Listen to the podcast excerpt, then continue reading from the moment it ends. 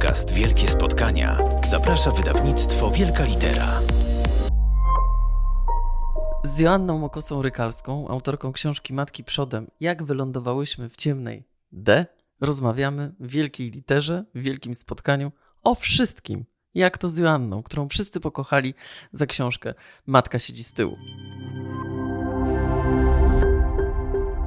W wielkim spotkaniu w wielkiej literze gościmy Joannę Mokosy-Rykalską, autorkę bestsellera e, Matka siedzi z tyłu, e, która wydała w tej chwili, właśnie, zaraz to o tym więcej nam opowie, e, kolejny bestseller, bo to już jest pewne, że tak będzie, Matki przodem, czyli jak wylądowałyśmy w ciemnej no dupie, no tak. No.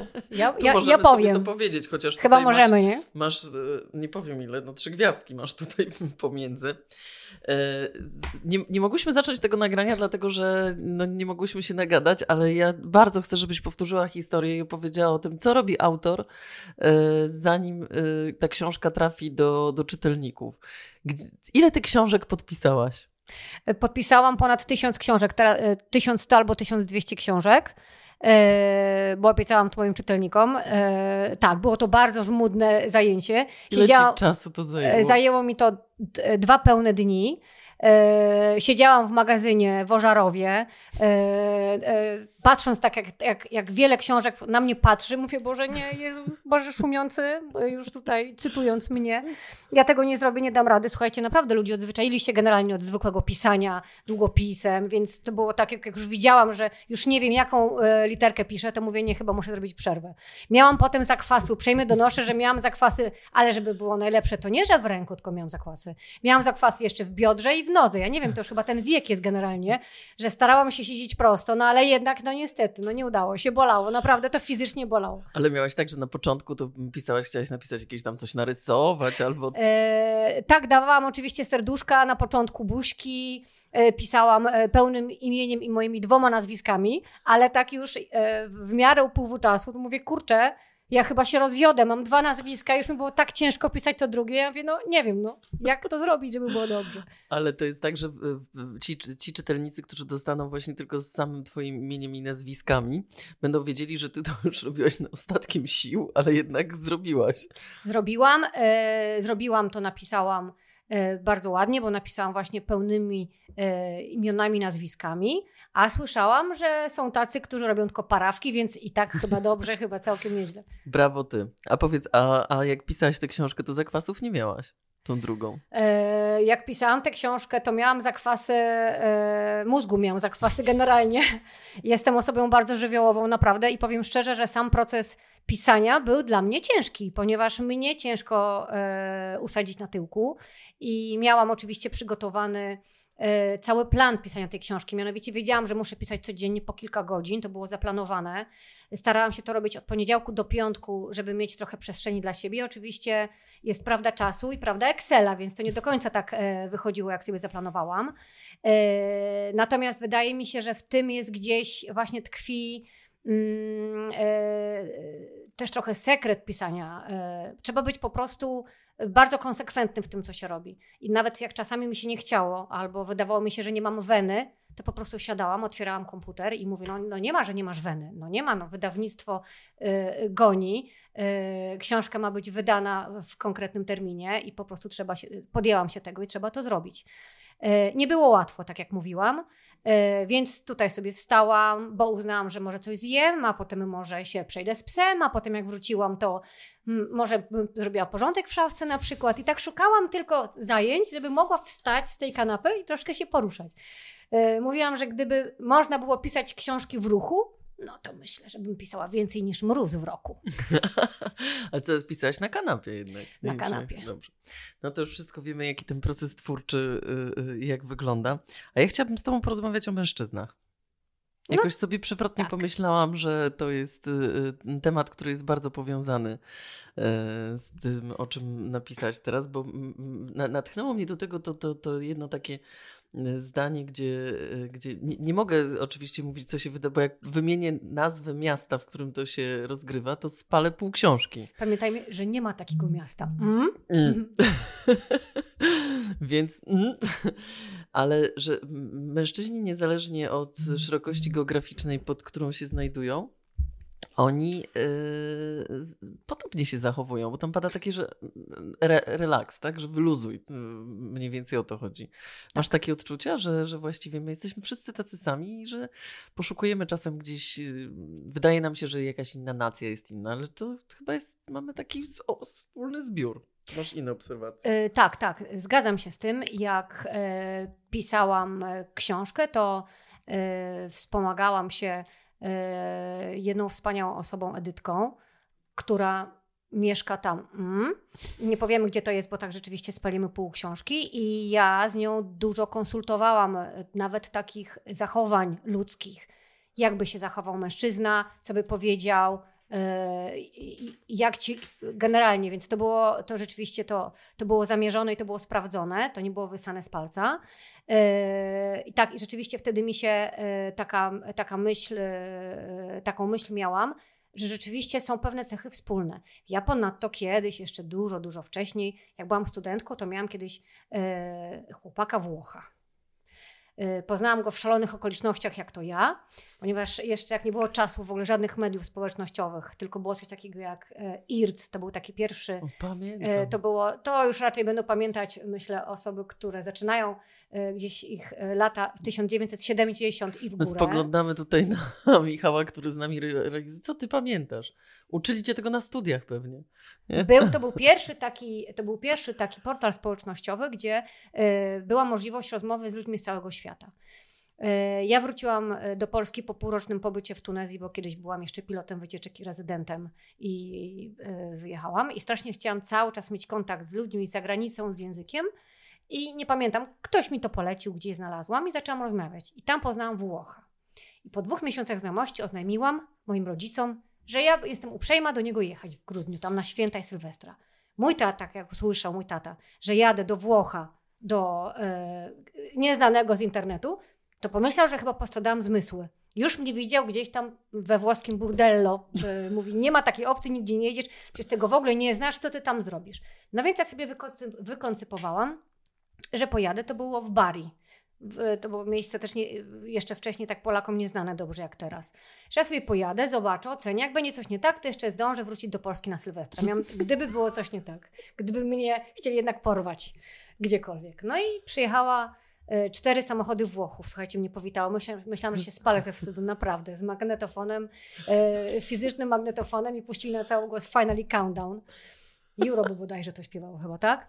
Yy, oczywiście czas był wspaniały. Mieszkałam u niego w domu z rodziną, która bardzo dobrze znała Polskę, ale dlaczego o tym mówię? Ponieważ miałam możliwość obserwowania Włochów tak nie wycieczkowo, tylko, tylko prywatnie i jego kolegów.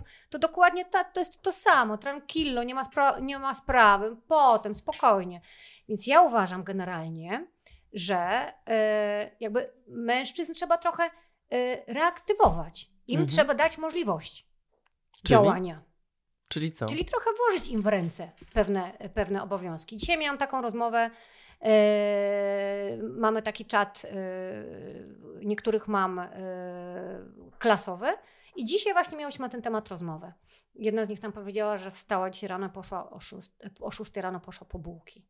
Ja mówię, jak? Ja mówię, dlaczego ty chodzisz o 6 rano po bułki? Naprawdę? Naprawdę? Ja mówię, nie mogłaś wysłać męża? No ale on zajmuje się innymi rzeczami i tak dalej. zaczęła się na ten temat rozmowa. Mhm. I ja uważam, że po prostu my zdecydowanie jesteśmy lepsze w organizacji. Jesteśmy lepsze w organizacji, lepsze mamy na pewno multitasking, ale ja uważam, że jak te zadania się podzieli da mężczyznom, to oni naprawdę sobie świetnie poradzą. No ale ty jesteś producentką świetną z zawodu i wiadomo, że no, jesteś wybitna, a potrafisz właśnie tak wyprodukować rodzinę, że, żeby to wszystko działało? E, e, tak, rzeczywiście w domu też rozkładam, e, rozdaję rodzinie obowiązki.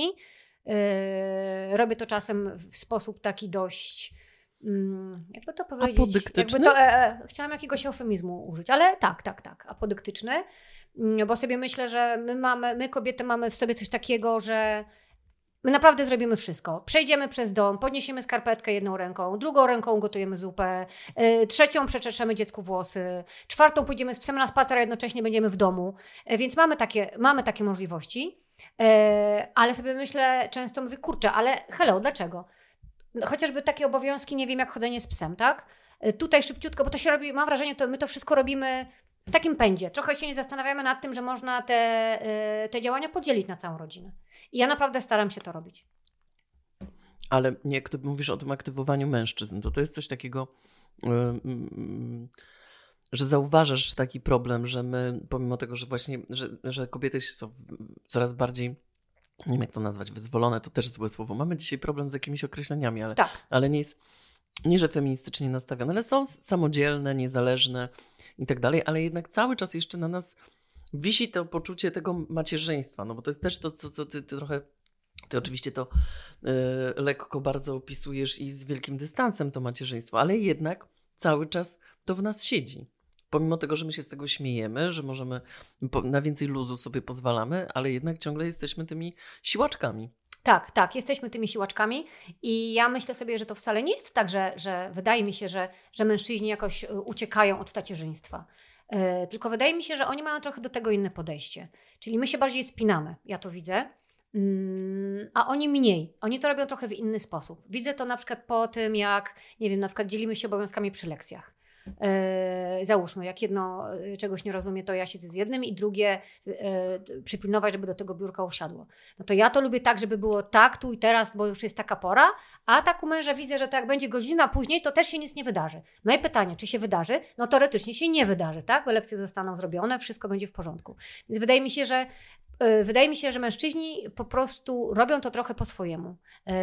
I może my dlatego nie do końca, może nie to, że im y, ufamy, ale może trochę nie do końca im ufamy. W moim przypadku przynajmniej tak jest, bo ja bym chyba chciała, żeby to było trochę zrobione w punkt po mojemu. A to tak nie jest. To nie znaczy, że jest zrobione gorzej, że on zrobił coś gorzej niż ja. No właśnie, tu dochodzimy do takiej, do takiej granicy, prawda? Tak, tego, że, że ten mężczyzna może poczuć się okej, okay, fajnie, że jest włączony w jakieś mm, rzeczy związane z domem, że nie jest odsunięty, bo tak jak powiedziałeś, że chcą być aktywowani, ale z drugiej strony no, ma prawo, nie jest dzieckiem, tak? I ma prawo zrobić to po swojemu. Oczywiście, jak najbardziej. Ma prawo I może tylko... się zbuntować. Oczywiście, jak najbardziej, tylko to, to, trzeba jakoś tak umiejętnie zrobić, żeby, tak sobie myślę, to powinno być jakoś tak umiejętnie, żeby mężczyźni myśleli, że jest wszystko wspaniale, a żebyśmy my mogły to jeszcze tak trochę nadzorować. Przynajmniej ja tak mam. Ale to jest, y, no dobrze, a to, to już skończmy ten wątek y, mm, o produkcji rodziny, ale czy ty y, zauważasz jakieś zmiany, nie wiem, w mężczyznach, jak tak, bo ma, masz te typy, opisujesz, czy ci mężczyźni się zmienili w ostatnim czasie, mm, nie wiem, przez pandemię, przez to, co się dzieje? Zauważyłaś jakieś zmiany takie w swoich obserwacjach, bo jesteś bardzo czujną obserwatorką. Ja generalnie zauważyłam, patrząc po, po, po, po bliskich znajomych i dalszych, to tak, zauważyłam zmiany u mężczyzn i rzeczywiście yy, zdecydowanie widzę większe zaangażowanie mężczyzn na pewno. Przynajmniej tych, których ja znam, to jak z kimkolwiek nie rozmawiam, y, to rzeczywiście tak jest, że, y, że oni są zaangażowani. Są zaangażowani w rodzinę, że to już y, nie jest tak tylko i wyłącznie, że kobieta wszystko ma na swoich mhm. barkach, ale widzę też takie realne zaangażowanie mężczyzn. Wiesz co, pytam Cię o to dlatego, że cały czas jak się tu spotykaliśmy, to, to, to no jeszcze ostatnim razem to ta pandemia miała na nas taki silny jeszcze wpływ i wszyscy mówili tylko o tych złych stronach, a ja sobie myślę, że, że tak z perspektywy można też zauważyć takie rzeczy, które sprawiły, że jesteśmy bardziej empatyczni, że, że to gdzieś tam nas przywartościowało i z tego, co mówisz, tak może i być. Tak, tak jest. Na pewno jesteśmy bardziej empatyczni. Nawet e, to się akurat nie tyczy mężczyzn, ale akurat tu e, kobiet. E, zauważyłam, że ludzie stali się przede wszystkim bardziej otwarci e, po tej pandemii. Moja serdeczna koleżanka powiedziała mi ostatnio taką rzecz, że przez to siedzenie w domu ona jakby, jakby zdała sobie sprawę, jaką ogromną wartością są ludzie i przyjaciele, jako te przyjaźnie trzeba dbać. I rzeczywiście był taki moment na przykład, że gdzieś ja się do niej częściej odzywałam e, i zawsze byłam uprzejma jej to wypomnieć. Ja mówię, mogłabyś chociaż raz zadzwonić od czasu do czasu. E, I widzę, że to się rzeczywiście zmieniło. I że ludzie, będąc w takim oso osobnieniu, odosobnieniu przez tyle no, lat w zasadzie można powiedzieć, stali się po prostu bardziej otwarci, mam wrażenie.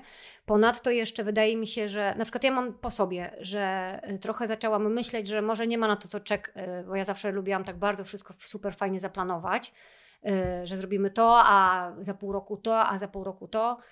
wydaje mi się, że, trzeba, że też mamy w sobie takie troszeczkę więcej spontaniczności, że nie wiadomo, co będzie jutro, tak? Czy nas znowu nie zamkną, czy, czy coś się wydarzy, bo teraz już nie możemy być tego pewni. Nikt w życiu z nas nie myślał, że w XXI wieku y, wydarzy się y, światowa pandemia. Naprawdę, myślę, że to nawet w naszych snach y, sobie o tym nie, nie myśleliśmy. nie Pandemia, wyobrażaliśmy. zaraz potem wojna. Prawda? A jeszcze wojna, jak już wszyscy po prostu już powiedzieli, ogłosili, że nie ma pandemii i był jakiś, jakaś ogromna radość i euforia, to nagle i tak sobie pomyślałam, kurczę, co jest takiego, za jakie grzechy, tak, jak przyszła ta wojna, ja mówię, ale dlaczego? Dlaczego coś lub ktoś, nie wiem w zasadzie, bo, bo nie, nie wiadomo, nie daje nam żyć pełnią życia? Co myśmy takiego złego zrobili? Naprawdę, takie było moje myślenie, że dlaczego znowu jest niefajnie, tak? A co ci przyszło do głowy, jak zadałeś to pytanie? Nie wiem, to jest jakaś kara nasza mm, ludzka, generalnie ludzkości, może za. Mm, pierwsze, co mi przyszło do głowy, to może za taki zbyt szeroki konsumpcjonizm.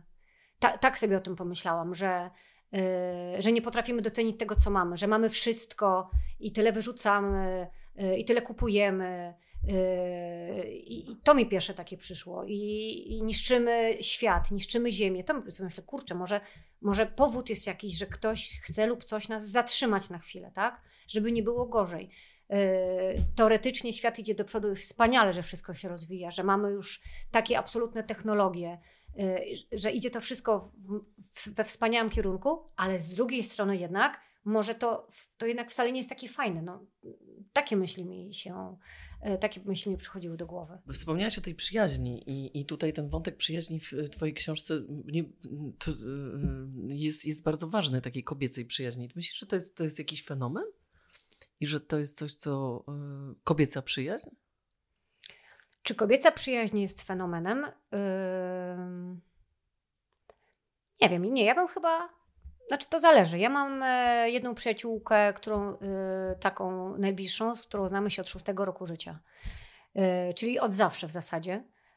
Jest z Gdańska, ale też jest. Ona się przeprowadziła do Warszawy w listopadzie, a w styczniu w następnym roku, więc generalnie podążyłam za nią, tak, tak akurat się złożyło. I, I tak, jest to dla mnie fenomen.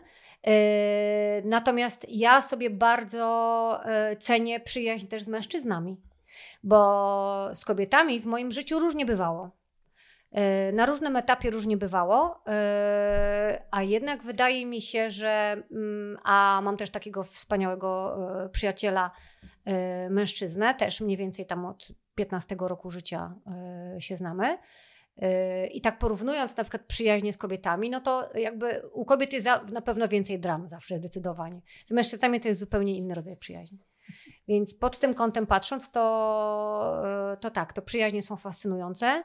Yy, Też zauważyłam, że przyjaźnie zmieniają się na, na różnym etapie życia. Potrzebujemy, mm, yy, mam wrażenie, albo nawet nie tyle, co potrzebujemy, ale spotykamy na swojej drodze osoby, które wnoszą coś dla nas na tym etapie, tak? Na tym etapie życia. Czyli na przykład jak mam teraz dzieci e, w wieku szkolnym, to zaprzyjaźniłam się na przykład z mamami. I to jest super, bo my się wspieramy w tych historiach szkolnych, w tym wspólnym cierpieniu, w tym bólu, jak, ile to trzeba robić i jak jest źle albo jak jest wspaniale, tak? E, W pracy też czasem się znajduje przyjaźnie, które się ciągną mimo tego, że z jednej pracy się odchodzi, do drugiej.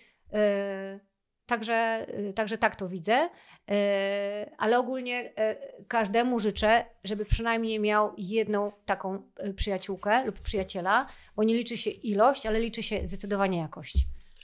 A ten mąż z twojej książki jest przyjacielem? Mój mąż? Nie, ten mąż z książki. Tak, tak, tak, tak. Jest przyjacielem swojej żony, Y, W sensie mąż z książki. Tak. Jest przyjacielem żony, zdecydowanie, tak. prawda? Tak, zdecydowanie. Dlaczego chciałeś, żeby był takim bohaterem? Mm, Bo uważam, że mm, oprócz miłości w związku, przyjaźń jest też tak samo bardzo ważna. Zdecydowanie. E, Przyjaźnie, wspólne e, poczucie humoru uważam, że jest bardzo ważne. Ostatnio moja przyjaciółka e, do mnie powiedziała, mówi, wiesz co, spotkałam się z takim facetem, no i niby jest z nim wszystko w porządku, ale wiesz, ale on w ogóle nie rozumie moich żartów. Ja chyba już nie będę się z nim więcej spotykać. I tak zaczęłyśmy na ten temat rozmawiać. I okazuje się, że jakby poczucie humoru to jest, ym, to ma trochę, taki, to jest trochę to jest trochę szerszy temat, bo to nie chodzi o to, że ktoś powie żart, z którego my się zaśmiejemy, tylko mamy y, bardzo podobne spojrzenie na, na, na wiele rzeczy, tak? I, I rzeczywiście tak jest. Bo wtedy dlatego zapytamy o tego bohatera, dlatego że ty wprowadzasz już taki klimat na początku książki, kiedy oni tam mm, jest, no, początek to można powiedzieć tak, że ona nie pamięta o tym, że się umówiła ze znajomymi, a Tak. on potem podchodzi ją i przytula, chociaż powinni się na siebie trochę obrazić, albo powinien powiedzieć, a widzisz, teraz y, ty o czymś tam zapomniałaś, czy, no, czy tam wypomina. I myślę, że to jest chyba też bardzo ważne, że to, to, to, to co jest ważne w tych twoich książkach, że książkach już teraz można tak mówić. Tak, jestem już z tego jest bardzo dumna, Już absolutnie. tak, tak, tak, już to ach, to już jest Ach, takie znaczące. Dwie stoją w domu prawie w ramkach. Że to są takie bardzo fajne relacje tych bohaterów i myślę, że dlatego ludzie to y, tak cenią, te książki, że, że jest prawda, że jest y, no, dosyć spora prowokacja, bo opisujesz rzeczy, no nie wiem, że na przykład rodzice mogą być przy dzieciach pod wpływem alkoholu. Tam jest też taki jeden wątek, gdzie w dzisiejszych czasach to przecież od razu lądujesz na żółtym albo czerwonym pasku w telewizji. Ale e, e, Coś, jest... co w naszych czasach było normalne, bo przecież y, z rodzicami się chodziło na brydża i się pod stołem siedziało i bawiło z Tak, innymi oczywiście. dziećmi. Ja myślę, że do wszystkiego trzeba mieć dystans. y, Ponadto, jeżeli chodzi o ten wątek alkoholu i dzieci, to jest sytuacja taka, że e, jedna bohaterka nie zdążyła, e, główna bohaterka nie zdążyła się napić, więc e, nie powiemy nic więcej, ale ona akurat nie zdążyła na nieszczęście.